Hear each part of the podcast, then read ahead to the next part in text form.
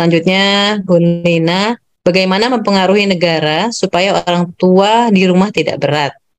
Ya, mempengaruhi negara. Ini artinya kita uh, gini di dalam Islam itu ada yang namanya politik atau asiasa itu artinya adalah ariayatu syu'unil ummah ya pemeliharaan urusan umat itu dengan aturan-aturan Islam itu namanya politik sehingga politikus itu siapa atau negarawan itu siapa itu adalah mereka-mereka semua yang terlibat dalam mengelola urusan rakyat atau urusan umat ini baik secara langsung maupun tidak langsung kalau secara langsung berarti adalah para penguasa karena dia mendapatkan mandat kekuasaan dari rakyat untuk mengurusi ngatur urusan rakyat ini. Rakyat butuh pendidikan, rakyat butuh kendaraan, rakyat butuh transportasi, butuh jalan, butuh dan seterusnya.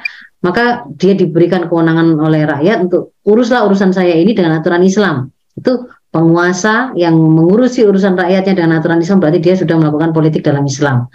Tetapi meskipun seseorang itu bukan penguasa, bukan anggota DPR, kalau dia itu terlibat dalam aktivitas misalkan pembinaan masyarakat terkait dengan bagaimana sih hak-hak dan kewajiban kita sebagai warga negara kepada negara, bagaimana seharusnya urusan kita itu diatur oleh negara kalau dalam perspektif Islam, misalnya begitu kan ya. Bagaimana seharusnya misalkan kita punya urusan ini tadi uh, untuk melindungi anak-anak kita dari uh, apa namanya berbagai macam hal yang merusak itu LGBT eh, pornografi porno aksi ya. ketika kemudian kita menerangkan kepada masyarakat atau kepada umat ini tentang bagaimana seharusnya urusan mereka itu dikelola sesuai dengan aturan Islam yang sifatnya itu edukasi sebenarnya kita sedang melakukan salah satu dari aktivitas politik termasuk di antara aktivitas politik yang lain itu adalah mengoreksi penguasa ketika dia melakukan kesalahan.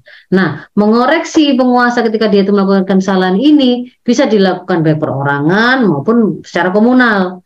Jadi dalam bentuk organisasi, suara bersama ataupun perorangan. Kalau perorangan itu bisa seperti apa? Kita bisa melakukan aktivitasnya seperti itu.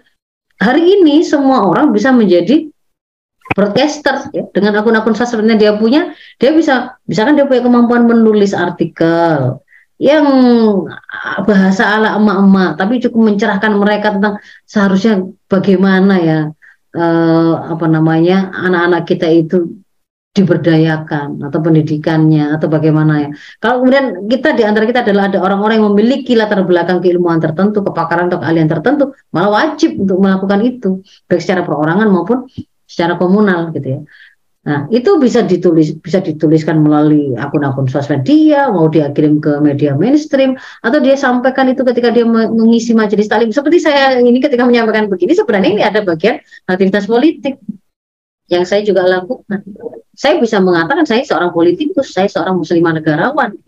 Karena saya peduli dengan urusan masyarakat, saya peduli dengan urusan generasi, saya peduli dengan urusan keluarga di tengah-tengah masyarakat apa yang merusak mereka, apa yang memperbaiki mereka, lalu saya me menyebarluaskan kesadaran yang sama itu supaya menjadi lebih besar lagi eh, kesadaran yang sama itu di tengah-tengah masyarakat sehingga nanti saat saat mereka bisa menyuarakan hal yang sama itu sebenarnya juga bagian dari aktivitas untuk menjaga rakyat ini tetap lurus sama ma'ruf nahi mungkar gitu ya. Jadi bagaimana caranya? Apa pun yang bisa ibu lakukan silakan dilakukan mau perbincangan sifatnya non formal ngobrol sama teman itu bisa jadi dakwah bisa jadi amar ma'ruf nahi mungkar. Mau mengorganisirnya dalam bentuk taklim taklim seperti ini itu juga bisa. Ini juga bisa untuk meningkatkan eh, level berpikir politis ibu-ibu atau mama bisa.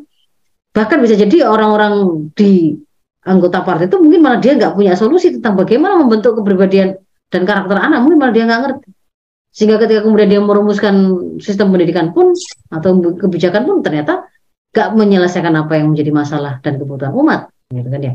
Nah jadi ini bisa juga dilakukan. Termasuk yang penting yang yang tidak kalah penting itu memang di tengah-tengah masyarakat muslim itu ada kewajiban harus ada sekelompok orang yang dia itu beraktivitas melakukan amar ma'ruf nahi mungkar. Perintah wal takum minkum ummah yad'una ilal khair wa ya'muruna bil ma'ruf wa yanhauna 'anil munkar. Nah, itu kan memang diperintahkan di tengah-tengah umat Islam itu harus ada mereka yang secara berjamaah itu kemudian melakukan aktivitas yad'una ilal khair menyerukan Islam. Tak ya'muruna bil ma'ruf memerintahkan yang ma'ruf wa yanhauna 'anil munkar. Humul muflihun. Mereka itu orang-orang yang beruntung. Ya, jadi bisa dilakukan dengan cara apa pun yang memungkinkan kita lakukan. Begitu.